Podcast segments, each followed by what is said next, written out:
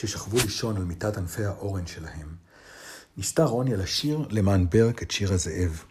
אבל כשנזכרה איך לוביס שרה אותו לה ולמטיס בימים שהכל התנהל כשורה במבצר של מטיס, הרגישה מין צביטה בלב וגעגועים שמנעו בעדה להמשיך. בר כמעט נרדם. כל היום לפני שרוניה באה הוא עבד. ניקה את המערה מן השיירים שהשאירו אחריהם הדובים שישנו את שנת החורף שלהם שם. הקים מדורה והכין את מיטות ענפי האורן בשבילם. זה היה יום מעייף מאוד, ולא עבר זמן רב עד שנרדם ממש. רוניה שכבה ערה. במערה היה חשוך וקר, אבל היא לא קפאה מקור. ברק נתן לה אור של עז שתשים על ענפי האורן, והיא הביאה איתה את השמיכה שלה שהייתה עשויה מפרוות צנעים רכה וחמה. בעצם לא הייתה סיבה שלא תירדם, ובכל זאת שעה ארוכה שכבה ערה. היא לא הייתה מאושרת כמו שציפתה שתהיה, אבל דרך פתח המערה ראתה את שמי האביב הבהירים והקרירים, ושמעה את זרימת הנחל למטה, וזה הועיל לה מאוד.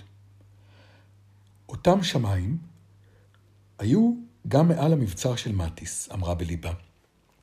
ואותה זרימה של מי הנחל אני שומעת גם בבית. אחר כך נרדמה. כשעלתה השמש מעבר לנחל, התעוררו שניהם. השמש הופיעה בערפל הבוקר כלהבה אדומה, ובערב כלפיד מעל היער הקרוב והרחוק. אני כחול מרוב קור, אמר ברג. השחר הוא השעה הקרה ביותר, ולאט לאט האוויר מתחמם. זה לפחות מנחם קצת. אש תנחם אותי עוד יותר, אמרה רוניה, נוקשת בשיניה. ברק הפך בגחלים הלוחשות, והם התיישבו ליד האש. אכלו לחם ושתו את שארית חלב העיזים מבקבוקה של רוניה. כשנגמרה הטיפה האחרונה, אמרה רוניה, מעכשיו נשתה רק מי נחל. מזה בוודאי לא נשמין, אמר ברג, אבל גם לא נמות מזה. הם הביטו זה בזה וצחקו. הם ידעו שחייהם במערת הדוב לא יהיו קלים, אבל זה לא הפיל את רוחם. רוניה כבר לא זכרה אפילו שבלילה לא הייתה מאושרת כל כך.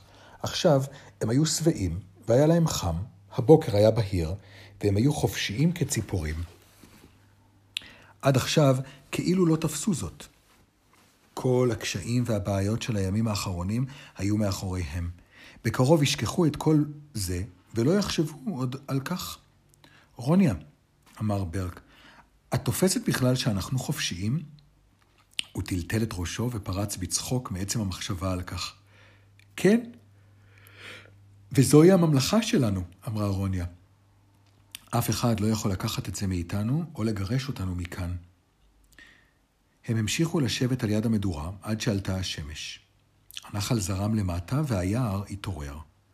ראשי העצים התנועעו ברוח הבוקר, הקוקיות השמיעו קול, נקר ניכר אי שם סמוך להן, ומעבר לנחל הופיעה משפחת איילי צפון. הם רבצו שם למעלה, וכאילו שלטו על הכל, על הנחל, על היער ועל החיות שבו. תסתום את האוזניים שלך, אני מוכרחה לצעוק את צעקת האביב שלי, אמרה רוניה. והיא צעקה צעקה שהדהדה בין הערים. יש משהו שהייתי רוצה מאוד מאוד, אמר ברק. הייתי רוצה להביא את הקשת והחץ, והחץ שלי לפני שיבואו הנה ציפורי הטרף. הצעקות שלך בוודאי הגיעו לאוזניהן. להביא? מאין? שאלה רוניה. ממצודת בורקה? לא, מהיער שליד המצודה, אמר ברק. לא יכולתי לסחוב את הכל, אז הסתרתי חלק בתוך עץ חלול. יש לי שם הרבה דברים חשובים שאני רוצה להביא. מטיס לא הסכים שיהיה לי חץ וקשת, אמרה רוניה. אבל אני יכולה לעשות לעצמי קשת מעץ השיטה, אם תיתן לי את הסכין שלך. אתן לך את הסכין בתנאי שתשמרי עליה. זה הדבר הכי חשוב ויקר שיש לנו. בלי סכין לא נוכל להסתדר ביער. יש דברים אחרים שלא נוכל להסתדר בלעדיהם, אמרה רוניה. למשל, דלי להביא בו מים מהנחל, על זה חשבת? ברק צחק. בוודאי שחשבתי, אבל מחשבות לא נושאות מים. אז טוב שאני יודעת איפה אפשר למצוא דלי, אמרה רוניה. איפה? ליד נחל מי המרפא של לוביס, מתחת למעבר הזאב. היא שלחה לשם את סטורקס אתמול כדי שיביא מי מרפא בשביל פרע רזה שכאבה לו הבטן. אבל שתי ציפורי טרף רדפו אחרי סטורקס, והוא חזר הביתה בלי דליים. היום יחזור ויביא אותם. לוביס ידאג לכך, תאמין לי. אבל אם נמהר, אולי יגיע לשם לפניו. שניהם מיהרו. הם רצו דרך היער להביא את הכל. עבר קצת זמן עד שחזרו שניהם למערה. רוניה והדליים בידיה, וברק נושא את הקשת והחץ שלו, ואת יתר הדברים שהחביא בעץ החלול. את כל האוצרות שהביא הניח בשורה על גבי האבן מחוץ למערה כדי להראותם לרוניה. היו שם גרזן, אבן משחזת, סיר קטן לבישול, כלי דיג, מלכודת לתפיסת ציפורים, חצים, כידון קצר. כל הדברים האלה היו נחוצים מאוד למי שגר לבדו ביער. אני רואה שאתה יודע איך אנחנו, אנשי היער, צריכים לחיות, אמרה רוניה. עלינו למצוא אוכל ולהגן על עצמנו מפני ציפורי הטרף ומפני חיות הטרף. את זה אני מבין טוב מאוד, אמר ברק. מובן שאנחנו... הוא השתתק, כי רוניה משכה בזרועו ולחשה בפחד. ששש, מישהו נמצא בתוך המערה שלנו. הם עצרו את נשימתם והקשיבו. ואומנם, היה מישהו בתוך המערה שלהם, מישהו שהתגנב פנימה כשיצאו. ברק נטל בידיו את הכידון שלו. והם עמדו והמתינו בשקט. הם שמעו שמישהו מתנועע בתוך המערה. מה שעשה את המצב למסתורי למדי. מי שם? דומה שהיו שם יותר מיצור אחד.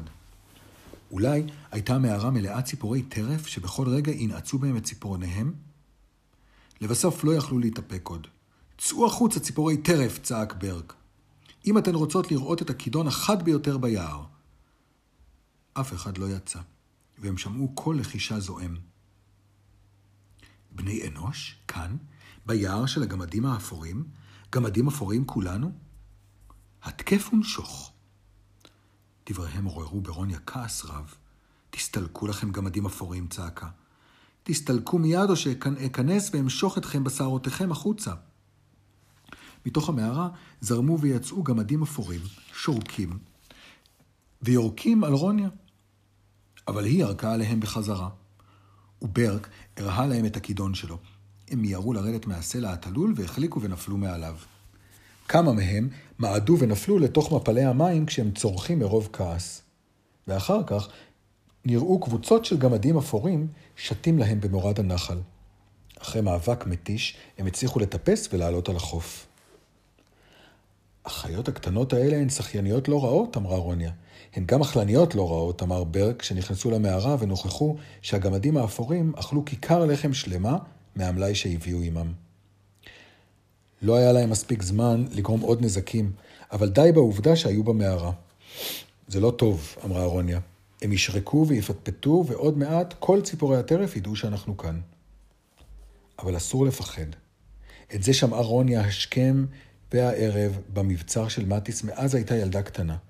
גם היא וגם ברק חשבו שבעצם די טיפשי לפחד ממשהו שלא קרה. ולכן סידרו חרש את מחסן האוכל שלהם, את הנשק והכלים, הביאו מים מן הנחל וטמנו בו רשת כדי לנסות לתפוס דגים. הם סחבו הביתה מהנחל אבנים שטוחות ועשו לעצמם תנור על הסלע. זמן רב חיפשו בסביבה, ורחוק יותר, ענף עץ שיטה בשביל להכין קשת לרוניה. הם ראו את הסוסים הפראיים רועים במקומם הרגיל, בקרחת היער. הם ניסו לדבר בנועם, אבל נבל ופרא ולהתקרב אליהם. אבל הם לא הצליחו. נבל ופרא לא הבינו דברי נועם. הם ברחו להם למקום אחר, שיכלו לראות בו ללא הפרעה. אחר כך ישבה רוניה לפני המערה, והתקינה לה קשת ושני חצים. היא חתכה חצי מחבל האור שלה בשביל המיתר לקשת. לאחר זמן היא טמנה ביריית חצים למרחק רב ככל שיכלה, עד שלבסוף איבדה את שני החצים שלה. היא חיפשה אחריהם עד שירד הערב, ואז כבר הייתה צריכה לחדול מחיפושיה. אבל זה לא הטריד אותה כל כך. מחר אתקין שני חצים חדשים. ותשמרי בבקשה על הסכין, אמר ברק. כן, אשמור עליה. היא הדבר היקר ביותר שיש לנו, הסכין וגם הגרזן. פתאום שמו לב שכבר ירד הלילה, והם היו רעבים. היום עבר מהר כל כך, וכל הזמן היו עסוקים. הם התרוצצו, נסעו וסחבו וארגנו את מצרכיהם במערה, ולא היה להם זמן לחוש רעב. אבל עכשיו הם פינקו את עצמם בלחם, בגבינת כבשים ובבשר כבש, ושתו מי נחל צלולים. בתקופה זו של השנה לא היה הלילה חשוך ממש, אבל גופם העייף רמז להם שהיום עבר והגיע הזמן לישון. בחשכת המערה שר ארוניה באוזני ברק את שיר הזאב, והפעם הוא נשמע טוב יותר. אף על פי כן, שוב עורר בה השיר עצבות, והיא שאלה את ברק, אתה חושב שהם חושבים עלינו שם, במבצר של מטיס? ההורים שלנו, אני מתכוונת? אני חושב שזה יהיה מוזר מאוד אם לא יחשבו עלינו. רוניה חנקה, חנקה את הבכי בגרונה לפני שהמשיכה לדבר. אתה חושב שהם עצובים? ברק שקע לרגע בהרהורים. תלוי מי. אונדיס תצטער, אבל הכעס שלה יגבר על הצער, אני חושב. גם בורקה יכעס, אבל בו בזמן יגבר צערו. לוביס תהיה עצובה, אני יודעת, אמרה רוניה. ומטיס? שאל ברק. רוניה לא ענתה. שתקה שעה ארוכה, ואחר כך אמרה. אני חושבת שהוא די מרוצה שעזבתי. עכשיו יוכל לשכוח אותי.